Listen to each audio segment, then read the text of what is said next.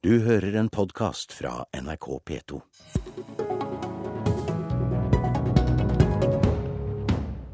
Har kommuner med under 5000 innbyggere livets rett? Kommunene kan ikke være for små, mener Fremskrittspartiet. Det mener ikke Senterpartiet. Og KrF vil gi milliarder til barnefamiliene, mens økonomene rister på hodet. Dette er Politisk kvarter med Per Arne Bjerke.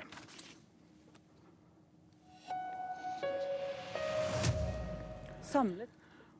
Årets stortingsvalg kan få store konsekvenser for hvordan Kommune-Norge blir seende ut i fremtiden. Et eh, nytt flertall på Stortinget kan også gi oss et helt nytt kommunekart. Anders Anundsen, stortingsrepresentant for Fremskrittspartiet fra Vestfold fylke. Du har sagt at kommuner helst ikke bør ha under 5000 innbyggere. Hvorfor det? Nei, det vi har sagt er at 238 kommuner i Norge har under 5000 innbyggere. og Det betyr at det er et klart flertall av norske kommuner som forvalter enheter med færre enn 5000 innbyggere. Alle de kommunene skal levere kjempeviktige velferdstjenester innenfor pleie og omsorg, skole og barnevern.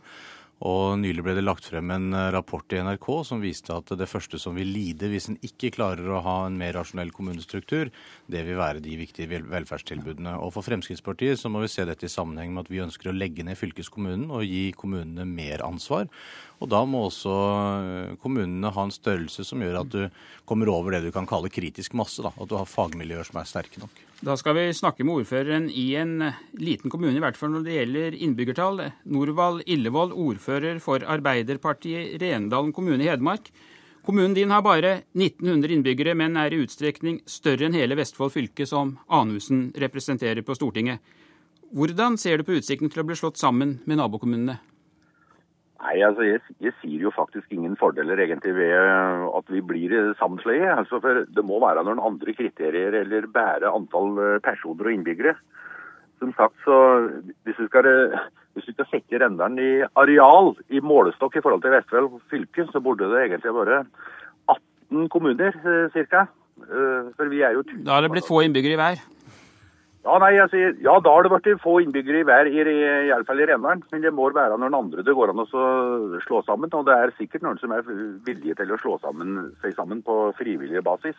Skal jeg høre med Anders, Anders Anundsen, Blir det ikke galt å vurdere kommunesammenslåing bare ut fra folketallet, når vi vet hvilke enorme avstander det er her i landet når du kommer litt ut i distriktene? Jo, det blir helt galt, og det er derfor det ikke er satt et tall på 5000. Det er for å illustrere at et flertall av norske kommuner faktisk administrerer færre enn 5000 innbyggere. Så det er ikke sånn at alle under 5000 må slå seg sammen. Og Fremskrittspartiet er opptatt av frivillighet, og en skal stimulere til frivillige sammenslåinger i første rekke. Men de, de kommunegrensene vi faktisk har nå, reflekterer gamle prestegjeld fra tidlig 1800-tall. Og jeg er ikke helt sikker på om det er det beste utgangspunktet for en effektiv eh, kommunestruktur. For det viktigste er å sørge for at den har en velferdsproduksjon som faktisk eh, er bra. Og jeg vet Hillestad representerer vel Arbeiderpartiet, Arbeiderpartiet og Fremskrittspartiet er jo ganske enige på dette punktet. Slagsvold Vedum, Trygve Slagsvold Vedum, nestleder i Senterpartiet. Er gamle prestegjeld fra 1840 et godt utgangspunkt for å gi best mulig velferdstilbud til innbyggerne i 2013? Det som ikke er et godt utgangspunkt i 2013, er å gjennomføre en tvangsreform som ble vedtatt på landsmøtet til Fremskrittspartiet. Jeg mener å huske at det var mot Anders Anundsen stemme, men uansett så fikk Frp eh, et vedtak, og det var et ønske ønska en tvangsreform i forhold til norske kommuner. Også når du ser på innbyggerundersøkelsen fra 2009, der man har undersøkt i hvilke eh, kommuner er folk mest fornøyd, og da er det faktisk i de kommunene med under 5000 innbyggere at folk er mest fornøyd med tjenestene. Og Det som er så interessant når du hører på Anders Anundsen her nå, han er så bekymra for pleie og omsorg i små kommuner. Men da er det viktigst å gå inn og se på hva, hvordan er faktisk tilbudet. Er det dårligere eller bedre i små kommuner? Og den undersøkelsen fra 2009 viste at det var bedre i små kommuner. Og det er det forundrer meg så ofte. At det virker som ja, uansett problem, svaret er kommunesammenslåing. Men hvis man begynner å gå bak fakta, så løser ikke kommunesammenslåing de problemene som Anundsen her er opptatt av. Og så er det jo viktig, altså som Rendalen er større enn Vestfold. Engerdalen for å ta er større enn Vestfold. Altså Norge er mangfoldig, og derfor må vi ha et kommunekart tilpassa det Norge vi har. Vi har altså en situasjon hvor enkelte kommuner har mindre enn én stilling i barnevernet. En veldig veldig viktig tjeneste for de, som, eh, de svakeste gruppene. Og det er eh, i en del av de kommunene ikke ikke en tjeneste som har en robusthet som gjør at de kan utføre jobben på en skikkelig måte. Og så er det ikke sånn at Fremskrittspartiet skal ta frem kommunekartet og passeren og linjalen og begynne å streke opp. Det er ikke det som er poenget, men poenget er at da lønner det seg for små kommuner å være små. Det lønner seg å ikke slå seg sammen. Det lønner seg å ikke finne gode samarbeidsløsninger lokalt. Og det er en utfordring i en struktur. Og vi ønsker å gi kommunene mer makt, men vi må være sikre på at kommunene klarer å ta den makta og myndigheten. Og da oppfordrer vi kommunene til å sette i gang de prosessene. Det er jo Alle partiene på Stortinget er jo egentlig enige om det, bortsett fra Senterpartiet og kanskje SV. Men utgangspunktet er altså at vi skal, kommunenes oppgave er ikke å være kommuner, det er å serve innbyggerne. Og du gjør ikke det nødvendigvis med 429 rådmenn, 429 økonomisjefer, 429 ordførere. Det er ikke det som nødvendigvis er nøkkeltallet. La oss holde oss litt ved det offentlige velferdstilbudet. Norvald Illevold, hvordan klarer du å opprettholde et godt nok tilbud til innbyggerne i Renedal når det bare er 1900 innbyggere? Nei, men, men, her har vi jo sittet inn i krystallkula for egentlig ganske mange år siden. Også vi, er, vi er veldig gode på, det, på, samarbeid på tvers av kommunegrenser. For uh, altså jeg tilhører, Rendal kommune tilhører jo fjellregionen, hvor Tynset er regionsenter. Og vi samarbeider jo nettopp på barnevern og på ma veldig mange andre tjenester. Uh, vi, så det, ja, vi, det er vi flinke på, uh, på samarbeid. Vi har, har ikke problemer på å gå over kommunegrenser for, også, for å nettopp skape større fagmiljøer og slike ting der vi har behov for å samarbeide. Det er vi meget gode på. Og det er veldig bra. Spørsmålet er da hvorfor en ikke skal ta det steget litt lenger og dra det samarbeidet et hakk til, sånn at en kan samarbeide bedre også på administrative mm. tjenester er, og bruke ja, mindre ja. penger på administrasjon og mer på tjenesteproduksjon. Slagsvold Vedum, hvorfor kan man ikke da like gjerne ta skrittet fullt ut og slå sammen kommunene? Ja, men Der er jo forskjellen på Fremskrittspartiet og Senterpartiet. Vi ønsker å oppholde til samarbeid, mens Frp bestemte at at de vil bruke tvang på sitt landsmøte. Anders Anundsen tapte, men eh, flertallet i landsmøtet gikk inn for tvang. Jeg syns det var synd, og jeg syns det var uklokt, for jeg trodde at Frp var et parti som ønska å bygge samfunnet nedenfra. Men det ønsker det. å tvinge det ovenfra. Men i hvert fall, også når det gjelder barnevern, så er det interessant. for det alle hadde den tesen. Jo, barnevernet i små kommuner er mye dårligere enn barnevernet i store kommuner. Så gjorde KS en stor undersøkelse gjennom konsulentselskapet Deloitte og sjekka ja, hvor er barnevernet faktisk best, og hvor er det dårligst. Og da kom de fram til den, det faktum ifølge dem, at det var best i små kommuner.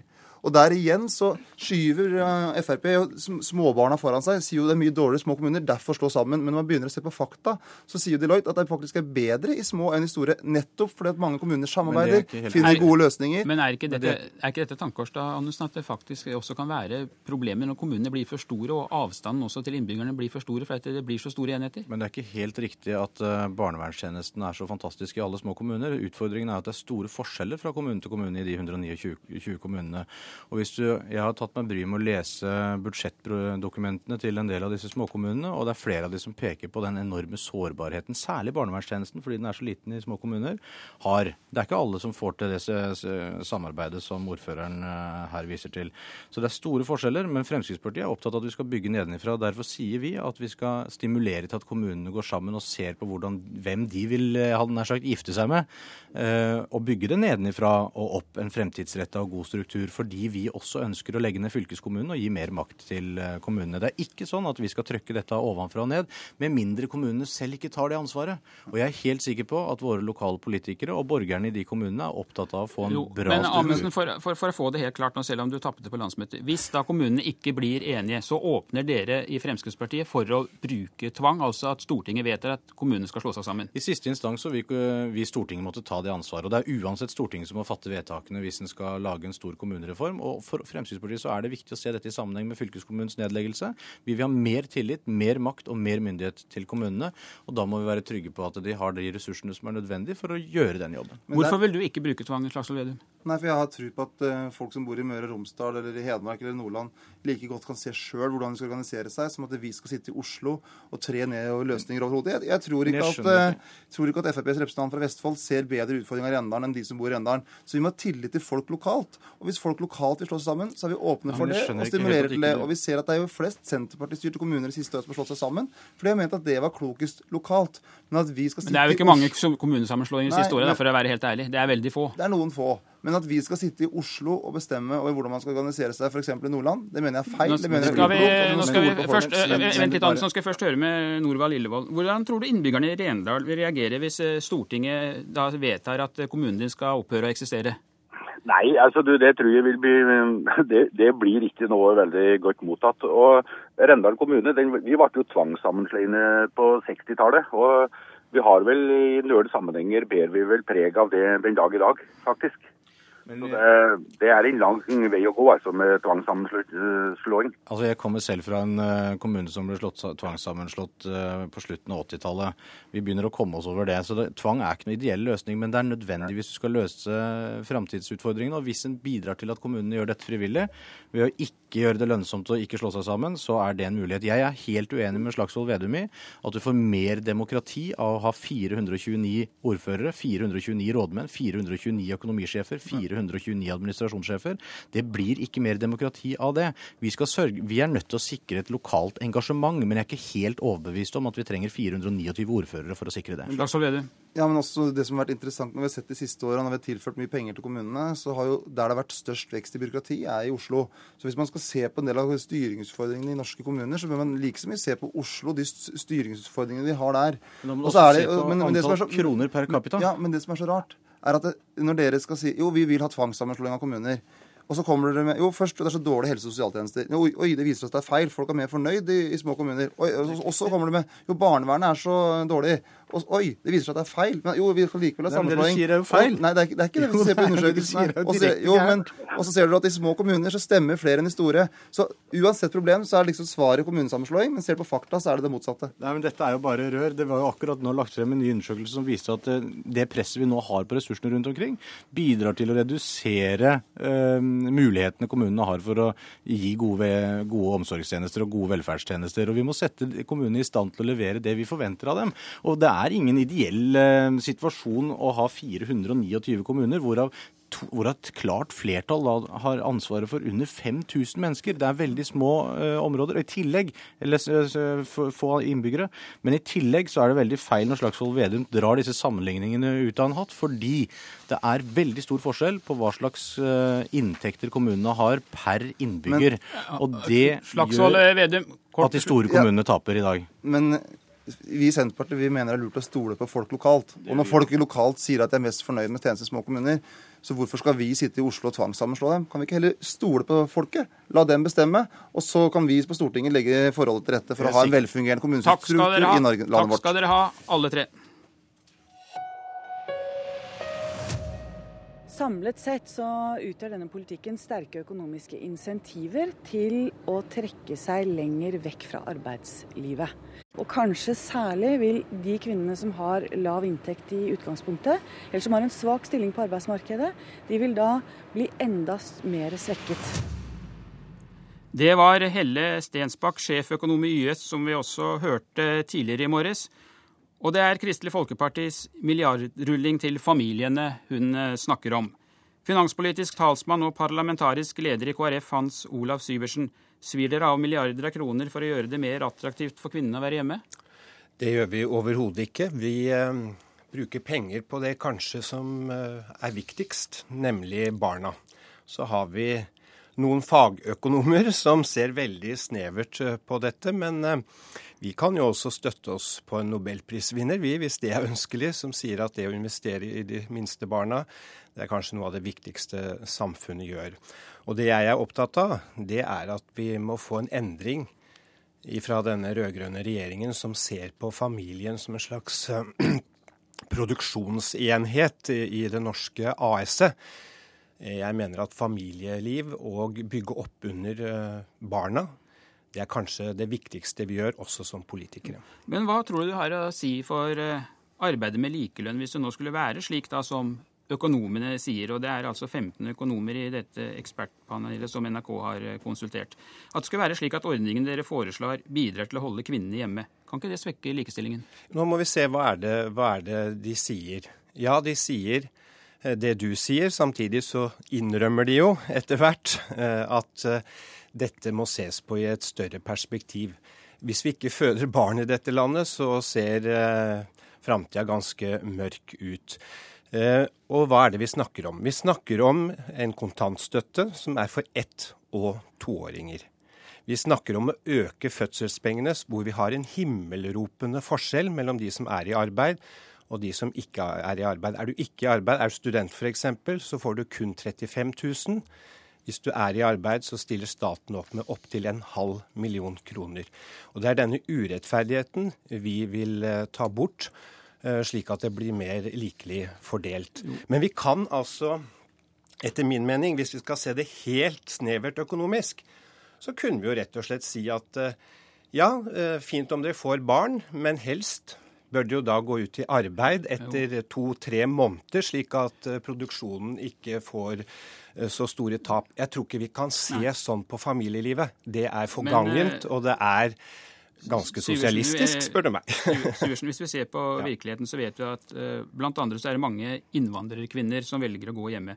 Og de blir vel ikke akkurat oppmuntret til å søke jobb med de ordningene dere foreslår. Og hva tror du dette får å si for arbeidet med integreringen? Jo, men Dette er jo også synsing. Når vi snakker om innvandrerkvinner, som du kaller altså at de går hjemme. Jeg vil jo si at det, det, å ta vare på egne barn, om det er norske eller innvandrere, det er noe helt annet enn å gå hjemme. Det er ganske mye arbeid. og jeg vet Men jeg spurte om integrering. Ja, og det skal jeg svare på.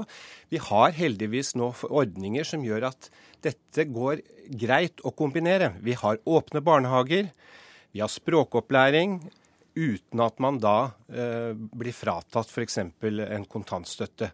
Så dette viser jo at eh, hvis vi legger ordningen til rette, så ødelegger vi verken for de som ønsker å ta vare på egne barn, eller deres mulighet til selv å kunne komme ut i arbeid. Og det mener vi er riktig og viktig at de skal selvfølgelig også få mulighet til det.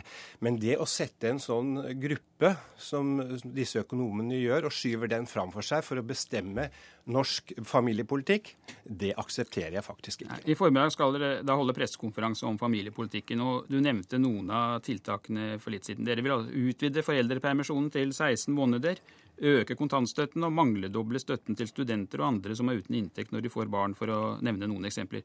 Kan du som finanspolitisk talsmann forklare lytterne hvor i statsbudsjettet dere har tenkt å kutte for å få råd til disse løftene? Ja, Vi har vist det i det statsbudsjettet vi leverte et alternativ til.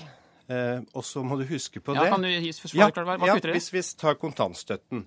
Den foreslår vi skal gjelde for ett- og toåringer. Det betyr, og det ser vi jo nå fra regjeringens egen tall, at når det blir en valgmulighet som er reell, så er det flere som velger kontantstøtte. Gjennom det så blir det mindre utgifter til barnehagene, som subsidieres ganske kraftig. Så det er eh, ett eksempel. Dessuten så vrir vi skatte- og avgiftspolitikken slik at vi setter skatter og avgifter på forbruk, og det er også et veldig godt eh, miljøvennlig eh, tiltak. Og så letter vi på f.eks. barnefamilier eller pensjonister som jobber litt ved siden av. Så Poenget er jo at vi får dette i et hele, men jeg vil gjerne si at eh, den politikken vi har ført nå, som har demontert i realiteten familiepolitikken, det er en farlig vei å gå. Eh, vi ønsker å bygge opp under familien og det å ta vare på egne barn. Ja, jeg mener det at det er noe av det mest dannende vi har, og som kan sørge for at vi får en god utvikling i dette landet. Vi ønsker gode barnehager. Vi ønsker også å gi muligheter for de som vil være hjemme med barna når de er helt små. Det valget håper jeg velgerne også er glad for. Takk skal du ha, Hans Olav Syvertsen. I dag er det skolevalg, men all kranglingen blant politikerne ødelegger interessen for politikk blant de unge. Det hevder i hvert fall elever ved Gausdal videregående skole i Oppland. Før dagens skolevalg etterlyser elevene skikkelig informasjon i stedet for politikernes evige hakking på hverandre. Så er det som et ordentlig valg. Dere må huske å ha med dere gyldig legitimasjon, for uh, dere har blitt skrevet inn i manntall. Jorid Askeirsdotter Hom er elev ved Gausdal videregående skole. Hun går rundt i de forskjellige klassene og informerer om dagens skolevalg. Uh, og Da er det først en obligatorisk partidebatt som alle må være på. Eh, og i den anledning så er det veldig fint om alle gidder å stille noen spørsmål til disse politikerne. Og ordet 'gidd' synes å være et vesentlig ord blant de unge. For Jorid forteller at interessen for valget er svært laber blant elevene. Det er dårlig interesse. Folk er ikke interessert. De vet ikke hva de skal stemme, så, og de har ikke interesse av politikk. Hvorfor ikke det, tror du? Fordi det er vanskelig. Folk skjønner ikke. Skjønner du det? Nei. det gjør jeg ikke.